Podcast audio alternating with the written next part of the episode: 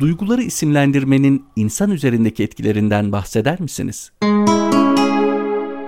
Kur'an-ı Kerim yaratılışın ilk safhalarından bahsederken ve alleme Adem'el esma'e kulleha buyurarak Adem'e isimlerin öğretildiğinden bahseder. Bu ayetten anladığımız kadarıyla meleklerin insana secde edişinin en önemli gerekçesi onun isimleri bilmesi ve isimlerle olan ilişkisidir. İnsanı diğer varlıklardan üstün kılan temel özelliklerin başında isimlerle olan ilişkisinin geldiği bu ayet-i kerimede bize açıkça ifade edilmektedir. İsim koyma, isimlendirme insana verilmiş en önemli yetki ve yeteneklerden biridir. Bu insanın en değerli imkanlarından ve en tehlikeli silahlarından bir tanesidir.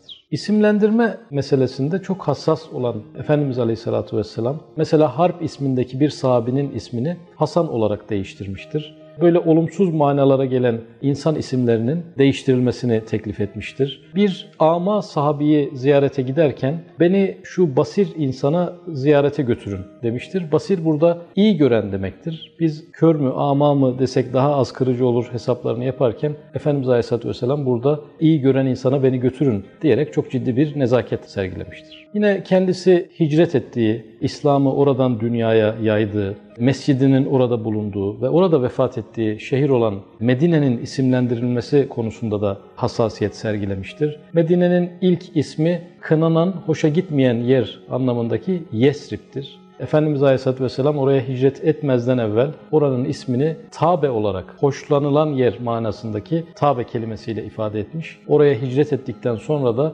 oranın adını aydınlanma şehri anlamına gelen Medine-i Münevvere olarak belirlemiştir. Müsibetlerin hayatımızdaki yeri ve değerini doğru göremiyor olmamızın sebeplerinden bir tanesi de onlara verdiğimiz isimlerdir. Keder, hüzün, dert ve acı ismini almış olan bu duygularımızın acaba isimleri olmasaydı şimdiki verdiği olumsuz etkiyi verebilecekler miydi? Veya şöyle bir hayal kuralım. Bu duygularımızın adını neşe, sevinç ve mutluluk olarak değiştirmeyi başarabilseydik, onların o olumsuz halleri aynı şekilde bizi etkileyecek miydi? Mesela bir depresyon kelimesini ele alalım. Depresyon kelimesi 19. yüzyılda Alman ve Fransız okullarınca tanımlanmış bir kelime. Çöküntü anlamına geliyor bu kelime. Oysa psikologlar eskiden hasta olarak nitelendirdikleri parantez içerisinde müşterilerine danışan olarak hitap etmeye başladıkları bir dönemde depresyon kelimesi o çöküntü anlamını içermesiyle birlikte yaşamaya devam etmektedir. Acaba depresyon kelimesi yerine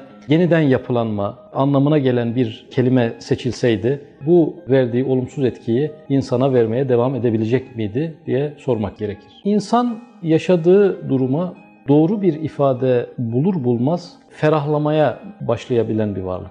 Kederlerimiz fikirlere, bu fikirler olumlu isimlere dönüştürülebildiğinde onlardan etkilenişimiz pozitife doğru ilerleyecektir. Mesela işten çıkarılmış birisi çalıştığı iş yerinin son günü şeklinde bir ifade yerine yeni başlayacak olan iş hayatının ilk günü olarak da bunu niteleyebilir. Bu iki niteleme arasında da oldukça fark olacaktır. Yaşadığımız bütün durumların hak katında olumlu birer ismi vardır. Önemli olan bu olumlu ismi yakalayabilmektir. Şayet bu yapılamıyorsa bile en azından hak katındaki bu olumlu halinin zıttına bir isimlendirmeye gitmemektir.